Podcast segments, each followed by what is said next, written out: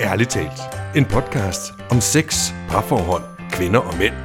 Med seksologerne Linda Moos Hansen, Mette Hertz og Michael Frey. Hvor mange gange skal jeg sige det? Jeg vil også være med. Nå ja, og vikaren Sille Mortensen. Hej, og velkommen til podcasten Ærligt talt. Jeg hedder Sille og er så heldig at få lov til at byde velkommen i dag. Jeg sidder sammen med seksologen Mette Hertz og seksologen Michael Frey. Og så har jeg også fået lov at tage en hemmelig gæst med. Ja. Hun er både tantra-terapeut, og hun underviser, og hun hedder Celestine Andersen. Velkommen til. Tusind tak. Og velkommen til to andre. Og tak. tak for det. Tak, Sille. Dejligt ja. at være med, og tak for invitationen. Det var dejligt, du ville være med. Helt vildt. Ja. Mm-hmm. Hvad er det, vi skal tale om? Ja, det ved vi heller ikke. Det er også spændende. Er det også en hemmelighed? det er, er stadig en hemmelighed. Ikke så meget længere i hvert fald, forhåbentlig. Præcis. Jamen, øh, jeg er jo kommet her i dag, fordi jeg gerne vil fortælle om de feminine og de maskuline arketyper, ja.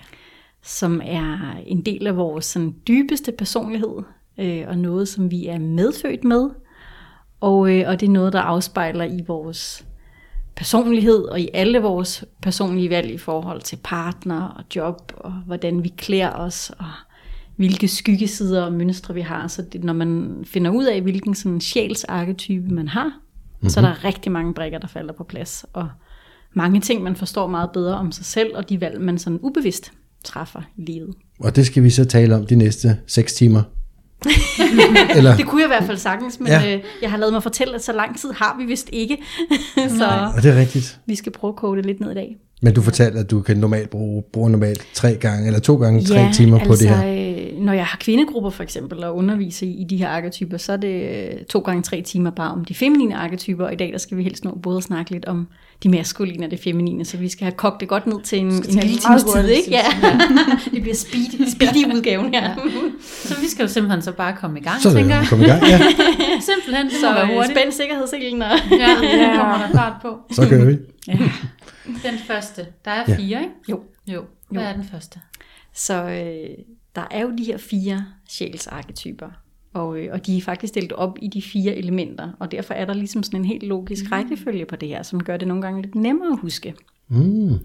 Fordi at øh, den første arketype korresponderer med elementet jord, som jo er det mest sådan kondense, mest man kan sige materielle element ud af de her fire elementer. Og som kvinde så hedder det moderarketype, og som mand hedder det kongearketypen.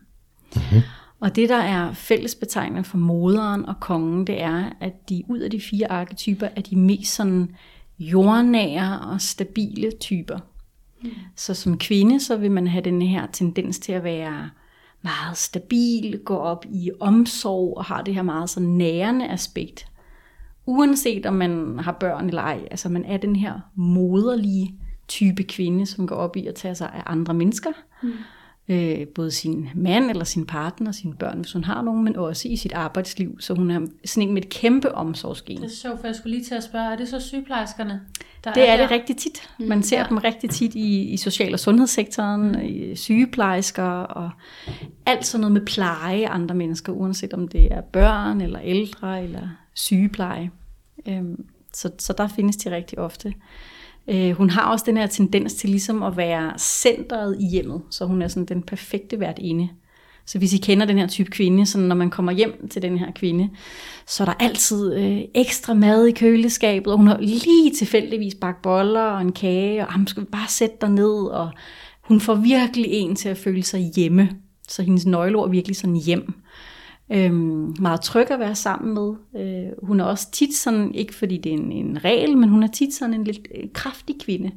Man kan sagtens være en tynd kvinde og være den her arketype, men der er en tendens til den her store favn, eller i hvert fald i sin energi og sit udtryk at være den her store favn. Så man har bare lyst til sådan at lægge sit hoved ind til hendes bryst, øh, eller på hendes skød, og bare sådan blive æget, fordi det er den følelse, man får, når man er med den her kvinde. Mm-hmm. Så hun er meget... Øh, hun er meget med kærlighed, men den her omsorgsfulde kærlighed. Og, okay. og, og vi vender lidt tilbage, fordi der er nogle, nogle måder, man kan genkende hende på, hvis man nu skulle finde ud af, er jeg den her type, eller hvordan ser man hende ud på gaden, fordi der er nogle måder, man ligesom kan spotte det her på. Men jeg havde også bare lyst til at, at nævne kongearketypen. Mm. Hvis man nu enten øh, sidder og tænker, kan vide, hvad min mand er, eller hvis man er med som mandlig lytter, så sidder man måske også og tænker, kunne det være mig? Fordi når man er, er kongen, så er man meget sådan en, en ledertype, på den måde, at uanset om det er som en leder i sin egen lille familie, eller om det er en virksomhed, så er det igen det her omsorgsaspekt af at have overblik over en flok. Ligesom en konge i et kongerige, og det er sådan set lige meget om hans kongerige er småt eller stort. Øh, så han har det her sådan ledergen og det her overblik at tage sig af sin familie eller af sine medarbejdere. Mm. Så han er meget rolig, han er meget stabil. Mm-hmm. Øh, og, og vi kommer senere til at snakke lidt om det her med, at der kan være skyggesider. Så det, når de er i deres mest harmoniske aspekt, både som mand og kvinde, så har de den her meget givende, rolige, kærlige natur. Mm. Både i den ene og i den anden. Men kunne de to, når de nu har så mange ting til fælles, kunne de mm. være et godt par? Det, Eller ville det være lidt fjollet at sætte to så ens altså op det, sammen? Man ser det nogle gange ske, og især sådan i, man kan sige, det gammeldags parforhold. Mm. Øh, sådan de lidt mere gamle kønsroller, ikke? Sådan med, med manden, der er forsørgeren, der går på arbejde og kommer hjem med pengene, eller har været ude, og, og man så har været ude og jage, eller bare tjene penge og købe mad på vejen hjem.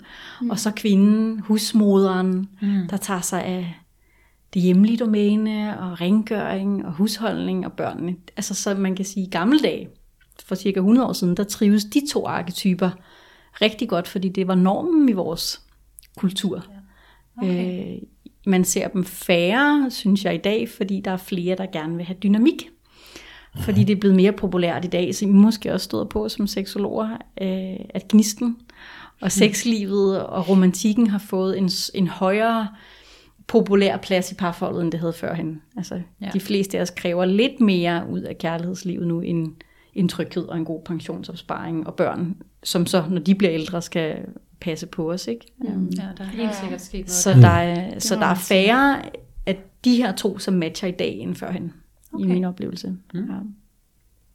Mm-hmm. Og, øh, og nogle gange, det oplever jeg i hvert fald, hvis man skal spotte, hvilken type man har, så er det nogle gange nemmest at finde ud af ved at kigge på sin barndom, hvor man jo ikke er så bevidst om, hvem er jeg, og hvorfor vælger jeg, som jeg gør. Men der har man bare sine umiddelbare behov og interesser, øh, hvor vi senere måske godt kan komme til at tilpasse os, eller tillære os nogle ting, og så kan vi blive forvirret over, er det nu mit sande behov, det jeg gør her, eller er noget, jeg har lært fra mine forældre osv., men som helt små, altså inden vi bliver 5-6, der er vi så umiddelbare, så vores rene arketype på en måde er mere tydelig at spotte.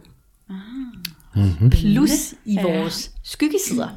Fordi dem kan man heller ikke så lidt skjule. Øhm, øh, så hvis vi nu skal snakke om, om barndom, hvis vi forestiller os øh, en lille pige, og hvis man skal spotte, det kan jo være, at man har, nu har nogle børn, eller hvis man skal genkende det her i sig selv, så vil man ofte være en, der elsker at lege far, mor, børn. Man vil helt sikkert dyrke det her med, at at få noget til at gro, eller man vil gerne give noget næring. Det kunne enten være et kæledyr, eller man har sin egen lille køkkenhave, eller man elsker at plante små ting i vindueskammen og, og nære det og se det gro og vokse. Eller man er blevet pålagt at skulle passe sine yngre søskende. Så det kan, man bliver ofte moderarketypen, når, når det er blevet et mønster i familien, at skulle passe på de andre. Mm. Øhm, så hvis man nu er den ældste i søskendeflokken. Eller hvis man selv har haft en mor, der er meget moderlig og huslig og omsorgsfuld, så kan man godt som lille pige, hvis man har det godt med sin mor og beundrer hende, komme til at kopiere hende, og så bliver man lige sådan. Mm. Så det er ofte sådan, man selv bliver den her type. Mm-hmm. Øhm, hvis man nu er en dreng, så vil man også have, have den her lyst til sådan noget far, mor, børn, leg men mere fra den her vinkel af sådan at være den stærke, der passer på. Altså, så det er det her enten forsørger eller beskytter gen, man helt tydeligt som konge har. Hvor man som pige måske er mere interesseret i, ej, vi skal være en familie, og jeg skal passe på børnene, og, og være den her, der går og nusser om tingene, så er man mere sådan den stærke mand, der passer på hele flokken, ikke? Mm. Øhm, og også beskytter de andre, fordi de har også sådan et ret stærkt sådan et retfærdighedsgen, men på den her måde, hvor det handler om at beskytte nogen, ikke? beskytte de svage, eller tage sig af de andre. Øhm, så man finder dem ofte ja, i de her job, hvor man jo passer på de andre, eller har det her omsorg eller sociale gen med sig. Øh, og som mand kan man også sagtens være en direktør for et stort firma. Altså, det behøver ikke kun at være inden for sundhedssektoren, det kunne også godt være en bankdirektør eller mm.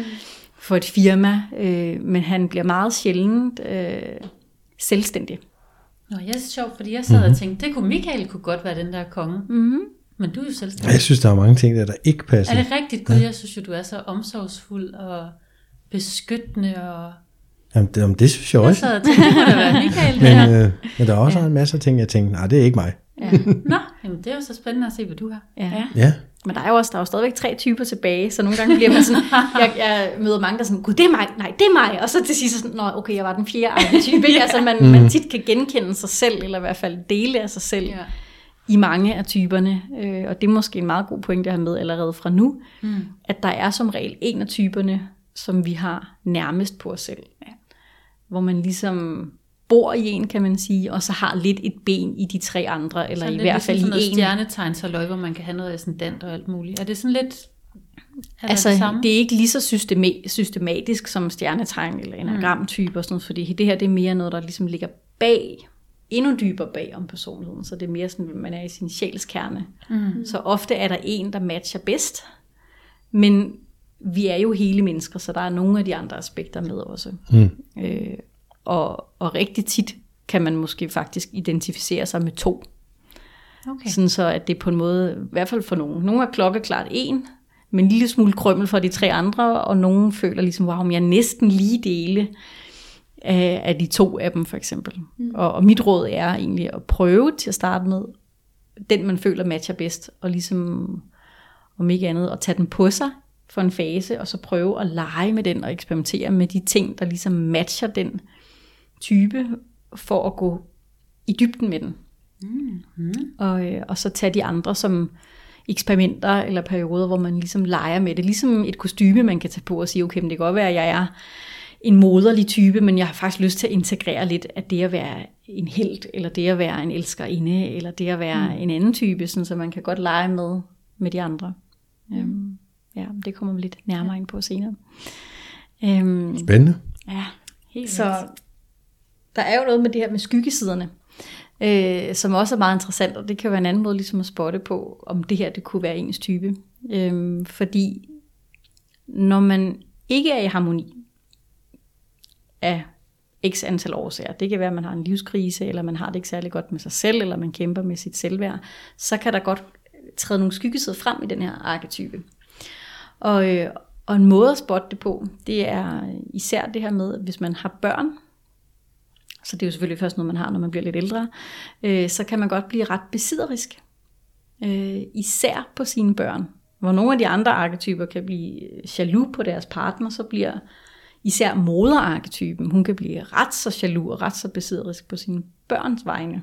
Mm-hmm. Fordi hun gerne vil ligesom, hun vil gerne eje det her med at være i sin rolle. Så hvis børnene nu pludselig flytter hjemmefra, eller finder andre interesser end at være hjemme hos hende, så kan hun blive sådan ret bitter over, hvem skal jeg nu være, og hvad skal jeg gøre? Øh, og så hun er lidt mere udfordret, udfordret på det her end kongearketypen, fordi han ser lidt mere en ære i at, at få dem til at gro og blive selvstændige, og få dem ud af redden. Altså han kan godt støtte dem økonomisk eller på andre måder, ikke? hvor mm. som moder har man ofte en lidt større følelsesmæssig tilknytning til sådan at ville eje eller præge sine børn. Mm-hmm. Øhm, men de bliver meget sjældent jaloux på deres egen partner. Mm. Fordi den romantiske kærlighed er ikke så vigtig for denne her arketype. De går faktisk minimalt op i sex og romantik. Det er dem, der går mindst op i det af de her arketyper. Fordi det er meget vigtigt at få dem med tryghed og familieliv, og det her med at, sådan at høre til i et fællesskab, og meget gerne deres eget fællesskab, altså en egen familie. Øh, Så af de fire arketyper, så er det helt klart vigtigst for denne her at få børn selv. Det vil være et meget stort tab, ikke at få det. Ja. Så det er en, en høj prioritet fra en ret ung alder. De ved godt som børn, jeg skal have børn. Ja. Øhm, Nu har jeg glemt, hvad den her arketyp hed. Det er kongen for manden og moderen for kvinden. Det var måden. Ja.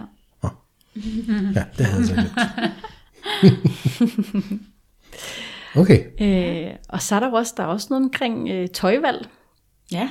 Fordi det påvirker også, hvordan vi vælger at gå klædt, bevidst eller ubevidst. Mm. Øh, og det er den arketype, der går mindst op i sit udseende, fordi de er meget mere praktisk anlagt. Mm. Så hvis man nu forestiller sig, at man kommer hjem hos en moderarketype og åbner hendes klædeskab, så er der helt sikkert ikke en eneste stilet. Øh, der er heller ikke tøj med glimmer på, for eksempel. og der er måske slet ikke make op overhovedet. De går meget mere op i, at tøj skal være praktisk og komfortabelt, så der er sikkert et par crocs, og, øh, og, og træsko og et par gummistøvler og en god kondisko eller en ekosko, så man sådan, det er et godt arbejdsredskab, ikke? Mm. Øh, og det samme for manden. Ah, han kan sgu altid rende rundt i sine trasser og sine overalls, fordi så, hvis han bliver beskidt, når han roder med traktoren, eller når han fikser bilen, eller han står og laver et eller andet i garagen, eller hvad han nu laver af praktiske ting, så er det sgu dejligt praktisk ikke at blive så beskidt. Så komfort og, øh, og praktik ligger helt sikkert i højsædet. Ja. Øh, og så går de... Jeg elsker inden er direkte modsat. Temmelig meget. Ja, det kan jeg godt forestille mig. Ja. Men det er jo i hvert fald også en måde ligesom at, at kigge lidt på sig selv og tænke, okay, hvordan ser mit klædeskab egentlig ud, ikke? Og, og er der noget af det her, der matcher? Så gode neutrale farver, øh, sort, hvid og brun og grå, mm. er nok det, der ligesom er mest af. Og smykker mm. og makeup eller andet bling bling, både for mandens og kvindens vedkommende, det er ikke noget, der sådan, det er ikke en høj prioritet. Nej. Ja. Hmm. Ja. Og gerne kort hår, faktisk. Ikke? Sådan, det er også dejligt praktisk, så skal man ikke ræge håret og ikke vaske det så tit. Der, der er sådan nogle gode ting ved det.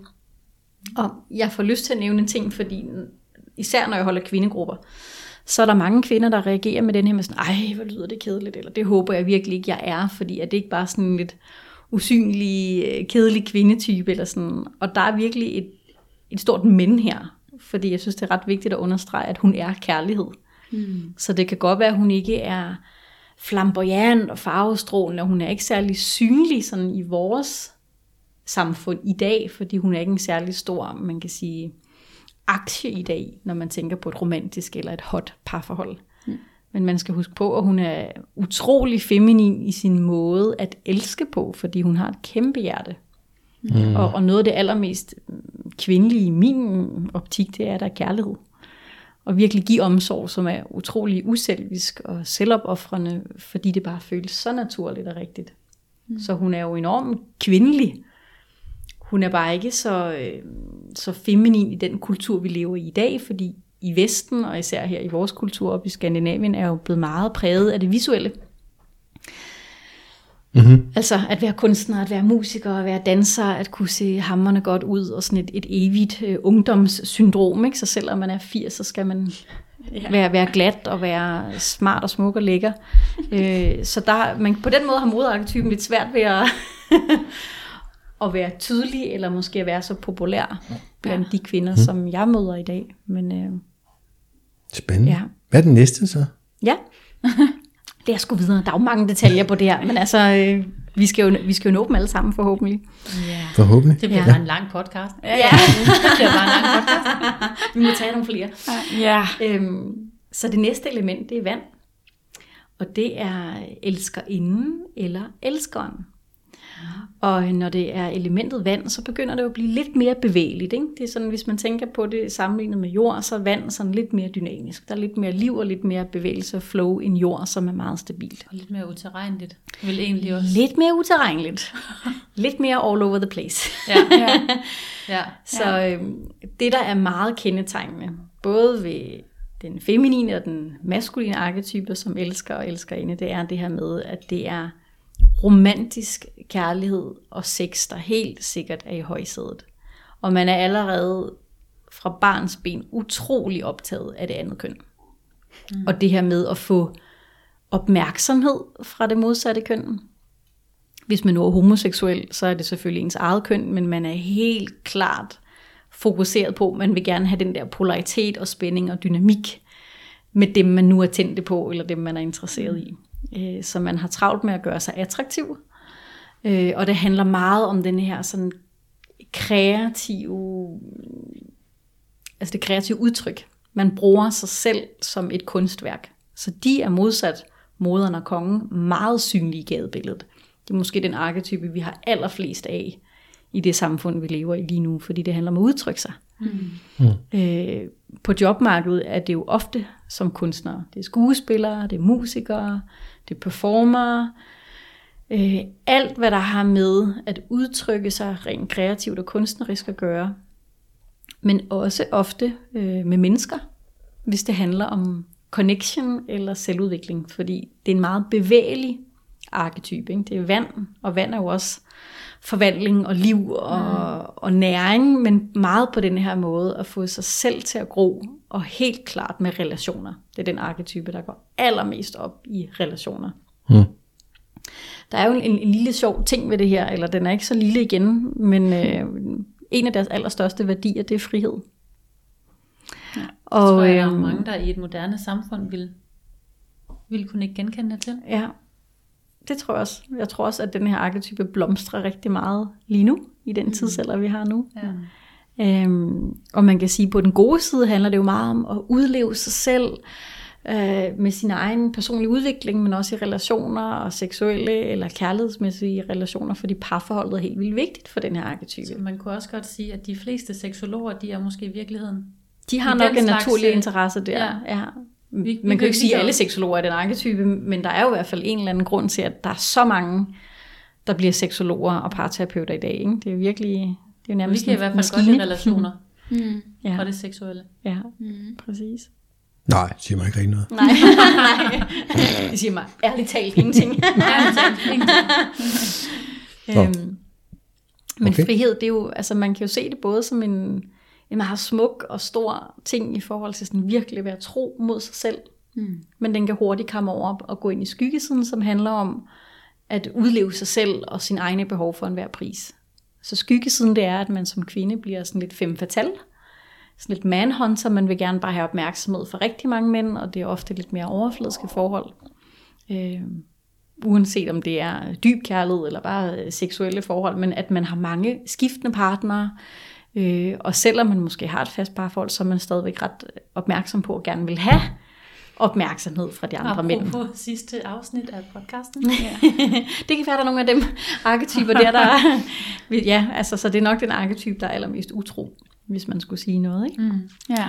Øhm, og det samme som den maskuline arketype, som elsker, så bliver man også sådan lidt Don Juan eller Casanova. Ikke? Så det er sådan, der er ligesom overflod, jeg gerne vil have noget Mm. fra nogle andre. Øhm, hvis de er i deres mest sådan udviklede aspekt og i harmoni, så går de all in på et parforhold. Altså så er det et meget dybt og øh, længerevarende og romantisk parforhold, fordi de vil gerne den dybe kærlighed. Mm. Ligesom at moderen og kongen er kærlighed i den der omsorgsfulde aspekt, så er elskeren og elskerinden den romantiske kærlighed.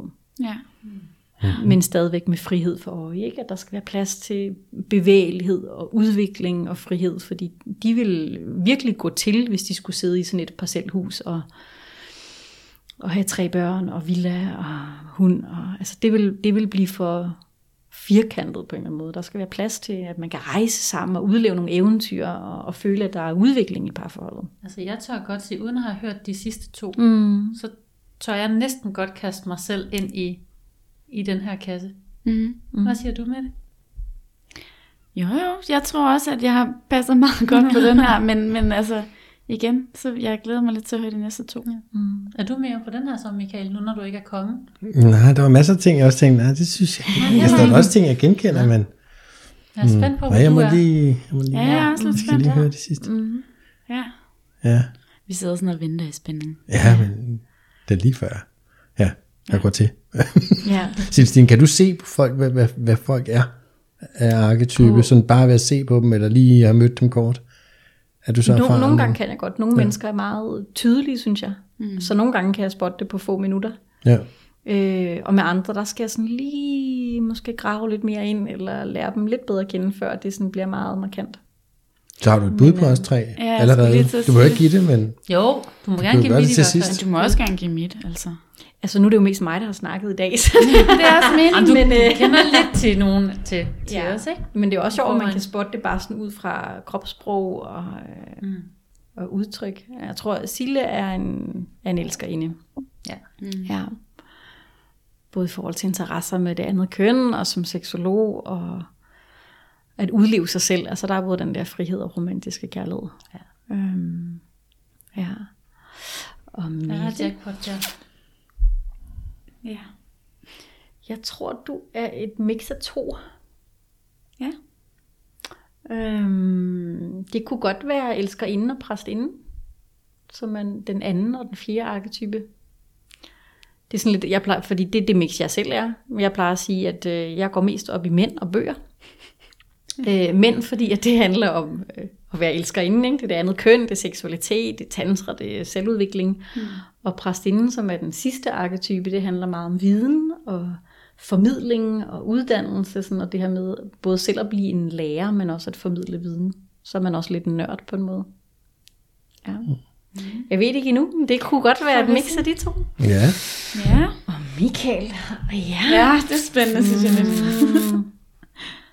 Nu bliver det spændende. Ja. ja. Men det kunne godt være et mix af de to, vi lige har snakket om nu. Hvis jeg skulle sådan et, Er et et slag på tasken, ja. Kongen og elskeren. Så er der både Det lyder godt. den, den fornuftige leder, der sådan har overblik ikke, over øh, ting og kan tage styring og lederskabet, men samtidig også gå op i intimitet og connection med andre mennesker og seksualitet. Altså det, man er nok ikke ikke helt fjollet. seksolog uden at have bare lidt interesse for det livsområde også. Nej, det er rigtigt. Men jeg ser ikke en, en, en kun en elsker i dig. Der må være noget andet også. Der er ro omkring dig. Altså, hvis man nu skulle give et, et synligt billede, fordi dem, der lytter med her, de kan jo ikke se, hvordan vi ser ud. Michael sidder med en, en pæn hvid skjorte og en grå habitjakke, og ser rigtig pæn og ordentlig ud. Og, og hvis man skulle komme med et bud på, hvordan ser en, en elskerarketyp ud, en klokkeklar mand, som er elskerarketypen, så er han utrolig sanselig. Han har ofte øh, sådan langt eller halvlangt hår. Det har Ja, det har jeg i hvert fald ikke. ikke så langt. Han går ofte rigtig meget med smykker. Så hvis I kan forestille jer sådan en type, der, der rejser rigtig meget, sådan backpacker der med en slidt vest på og bar brystkasse med sådan en masse kommer træperlekæder. så meget. Øh, de der rosenkranse, der var rigtig populære på et tidspunkt, og en masse snore rundt om håndledet, og øh, slidte yogabukser og sandaler, øh, gerne med en guitar på ryggen, eller Ja, altså sådan en, en virkelig sanselig fyr, der går op i at røre rigtig meget, men også at udtrykke sig. Mm. Øhm, så man kan selvfølgelig godt være en elskerarketyp og gå i koppertbukser og en sort t-shirt, men så er hans smykke, hvis man kan kalde det det, et virkelig tydeligt stort smil og glimt i øjet, og konstant sådan en fløtende mm. attitude, så det er en mand, der stråler. ja. Og det er meget kendetegnende for, for den her arketype, både som mand og kvinde. Det er karisma og udstråling, så de vil jo gøre alt for at blive bemærket i et selskab. Så derfor er det, altså de har tit makeup på, eller noget at pynte sig med. Ikke? Det kunne enten være et hårbånd, eller halskæder, eller uger, eller briller. Eller, altså jeg, jeg kender øh, folk, der har den her arketype, der går med briller, selvom de ikke har brug for briller, bare for sådan at have noget på. Ikke? Sådan, Ser lidt sofistikeret ud. Ja, så Ja. lidt amser ser jeg nok lidt intellektuel, intellektuel ud, men jeg sætter den på en måde, sådan så mit krøllede hår hænger lidt ned ud over, så jeg er lidt sexet. Ikke? Altså, det er meget vigtigt for dem at have sexappeal. Ja. Øhm, ja, meget charme. De er meget charmerende. Uanset om de så er pædagogmedhjælper, eller skuespillere, eller danser, eller hvad det er, men de skal nok få deres, deres charme trumfet igennem. Allerede som små, hvis I kan forestille jer små drenge og piger, som alle bare sådan, ej, altså de er så, de er så søde, de her børn, ikke? store øjne, og altså de flytter. De har en meget flyttende personlighed. Mm. Fordi de leger med livet, så leg og frihed er et kæmpe nøgleord for den her type. Okay. Ja. Mm. Nå. Mm-hmm. Ja. Nogle spørgsmål til den?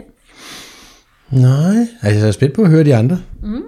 Det der med et mix af etteren og toeren, det kunne jeg måske godt være med på. Ja. Fordi jeg er ikke nogen lædervest eller trap her, eller, eller noget Nej. andet spændende. Michael, det kan vi Bare hurtigt finde ud af. brystkasse, jeg lige kan. Det finder vi ud af til næste gang. Ja, Ikke? det bliver fantastisk syn. Ja. Ja. Ka- sådan en kasmirtrøje, du ved, helt lækker og blød, og en masse armbånd på, og tatoveringer. Og... Ej, det kunne være sjovt at klæde dig ud som hver, Ja. hver arketype, og så lige Det kunne også være en måde at Ja, spotte det sig selv på. Det det gør var vi meget et fotoshoot. Det gør vi. Et fotoshoot Det med alle fire stilarter. Ja. Øh, Og så kan man se, hvad man føler sig mest hjemme i. Ej, det kunne Ej, virkelig det være sjovt. Ja, det kunne Det være lidt sjovt. Ja, ja. Nå, Ej, det gør Ja. vi en dag. Nå, men det, Det, er det, jo det burde helt vi anden alle snak, jo. sammen, altså ikke bare os fire, men alle burde gøre det, fordi man kan hurtigt mærke sig, føler mig hjemme i de her sko, så at sige. Ja, ikke? ja. Mm-hmm. ja. Og det kan også være sjovt at lege med dem, men ikke er, for Ja. sådan at prøve at integrere nogle af de andre kvaliteter. Ikke? Ja. ja.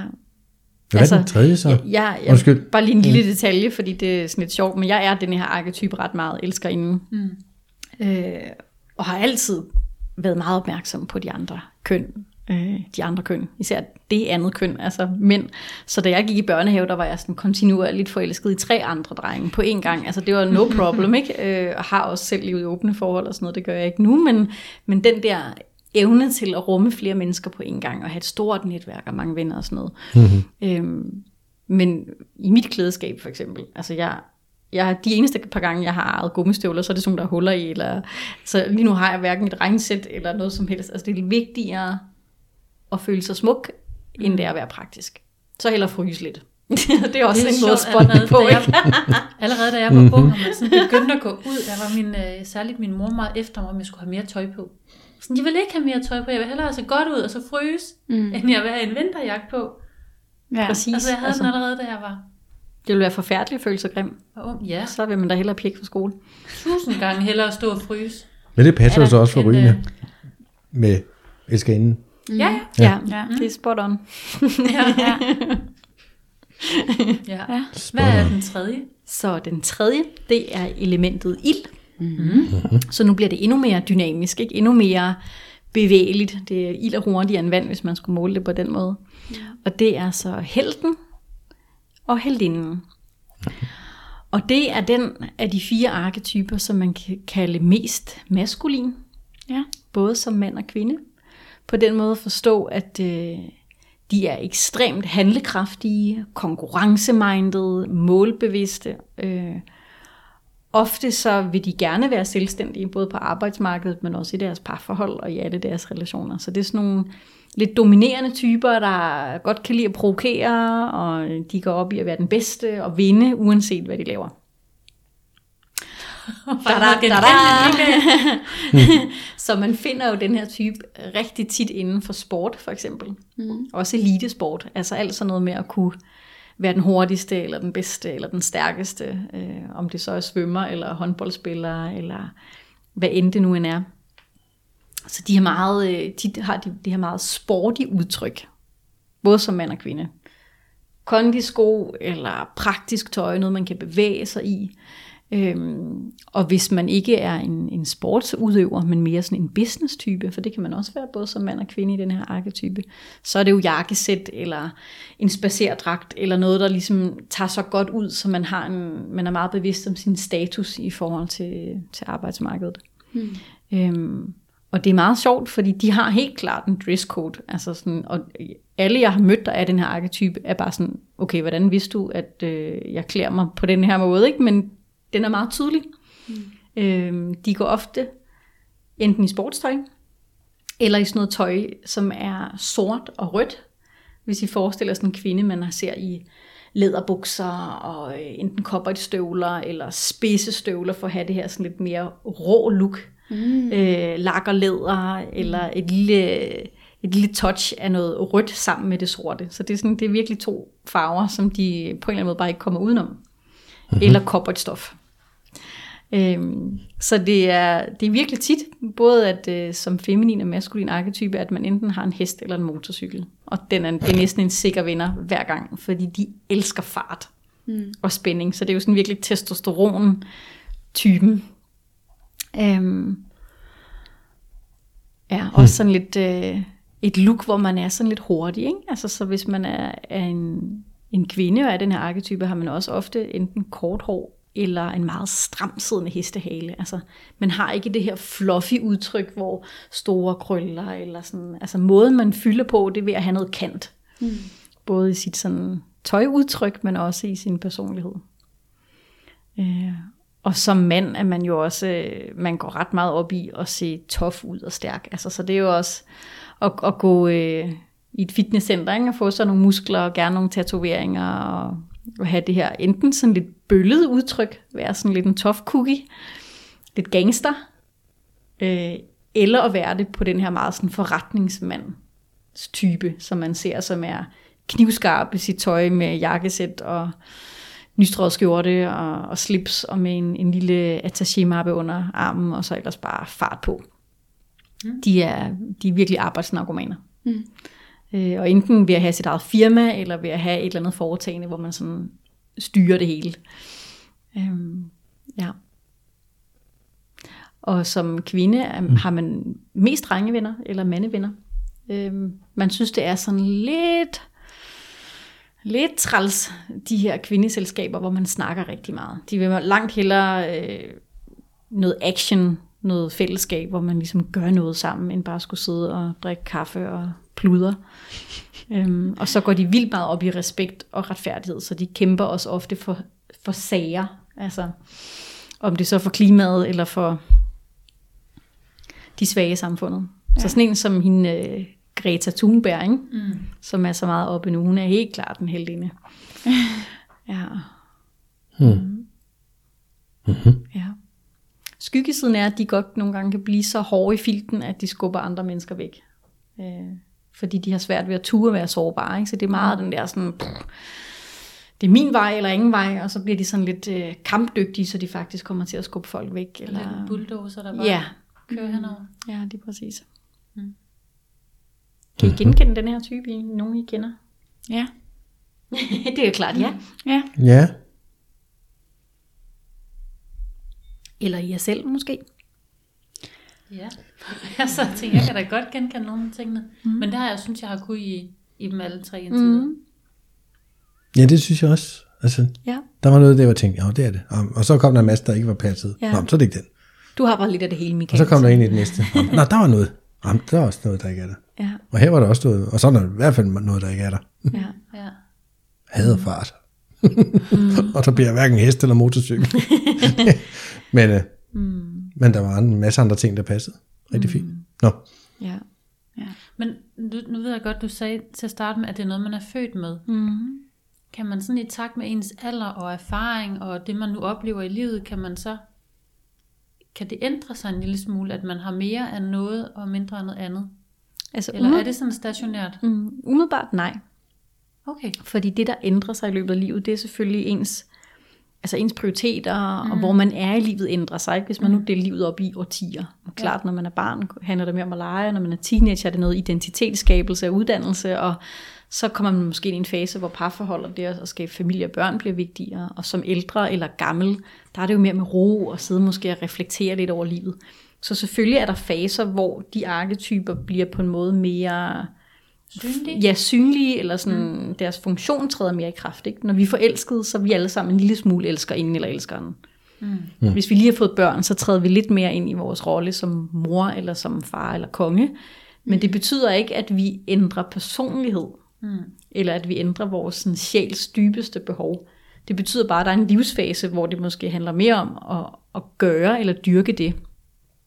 Hvis man nu for eksempel er, er heltearketypen, eller øh, elsker arketypen, både som mand og kvinde, så vil man stadigvæk gå op i, i frihed og, og det her med at, at gøre nogle ting for ens egen vindings skyld, og man har lyst til at udleve sig selv, og der er fart på enten under sex eller eventyr eller livsrejse, hvor man skal ud og kæmpe for alt muligt.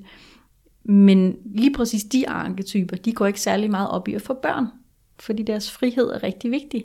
Mm.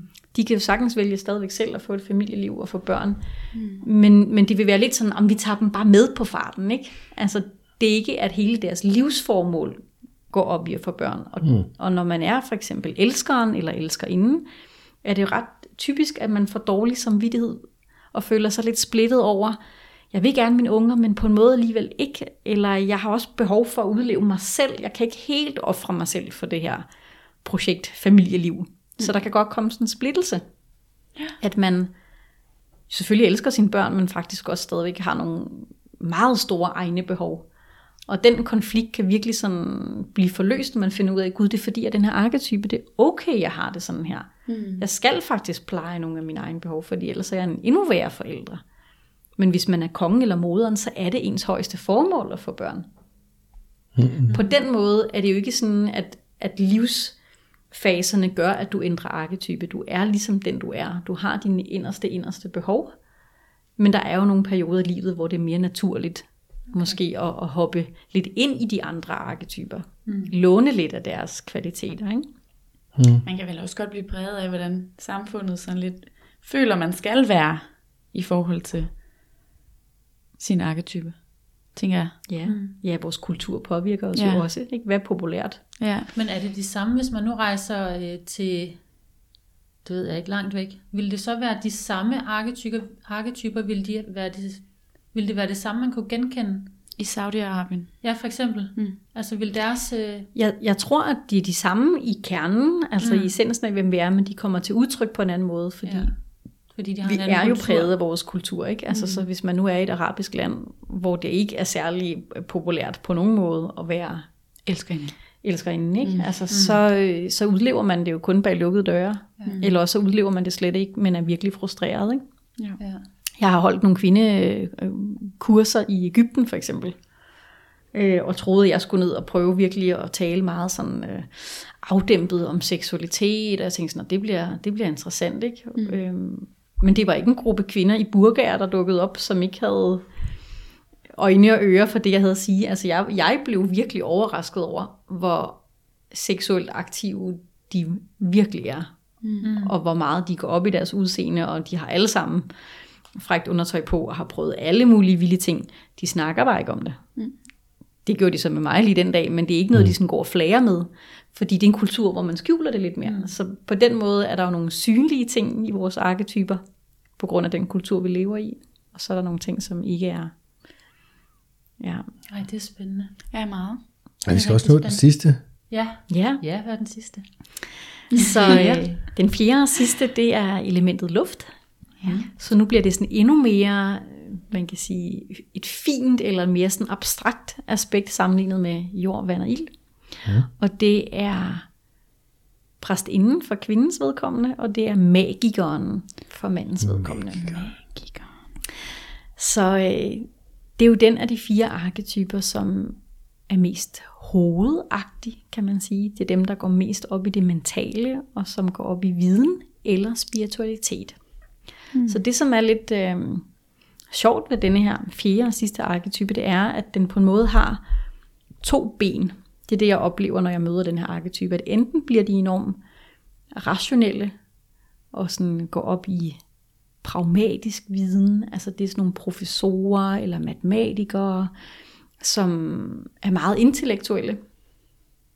Ikke særlig kropslige. Eller de har det andet ben, som handler om, at de er meget spirituelle og går op i mere metafysiske, abstrakte begreber, men som ikke nødvendigvis er rationelle. Så man kan enten finde dem her, for eksempel på universiteter, eller inden for fag, hvor man er en lærer, eller en formidler inden for alt muligt. Det kunne være historie, eller geografi, eller matematik, eller fysik, kemi, altså sådan nogle ting, der virkelig kræver beregninger, og, og meget sådan forstå de fysiske love. Øh, og så er man helt sikkert ekstremt øh, uddannet og belæst og, og ved rigtig meget. Så det er en type, der oftest er mest uddannet af alle de fire arketyper. De går mest ud op i at have en høj uddannelse. Øh, men det kan lige så godt være, at de har studeret og nørdet det her med spirituel viden, uanset om det så handler om astrologi, eller kristen mystik, ikke? eller øh, yoga, eller filosofi. Og sådan. Så der er ligesom forskellige nuancer på det her. Så det, der er fælles øh, kendetegnende ved dem her, der kan man jo se det i barndommen, det er, at de virkelig er nørder. De har ikke specielt meget brug for at, at komme ud for at lege og blive beskidte og prøve grænser af, eller de går heller ikke særlig meget op i at have venner eller kærester. De sidder ofte med hovedet i en bog.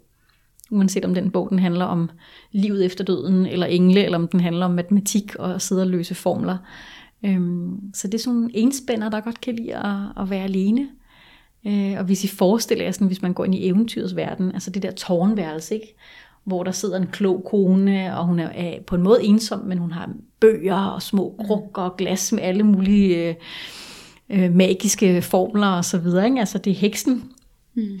Øhm, og, eller magikeren, ikke? Sådan den her troldmand, der har en hule inde i en stor træstamme, og der, der har han også bare alverdens skriftsruller og en kåbe på, der er meget støvet, ikke? men det er meget spændende på en måde. Altså, de er jo virkelig enten meget kloge eller vise. Så de ved helt sikkert rigtig meget om noget.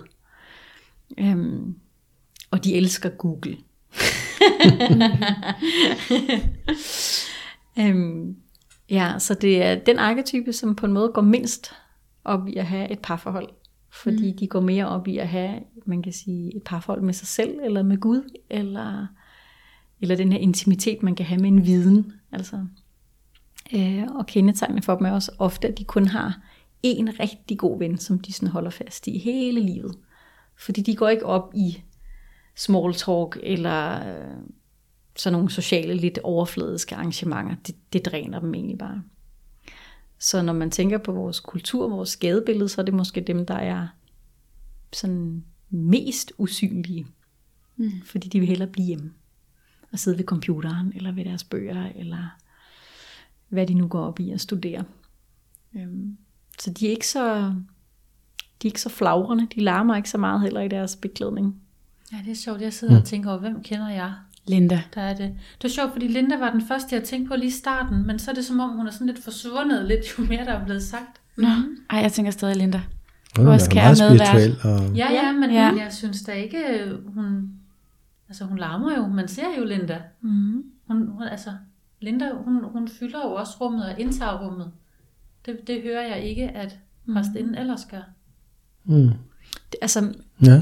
det kan, det kan hun og han godt. Øhm, det er bare sekundært i forhold til sådan, det budskab, de gerne vil ud med. Mm.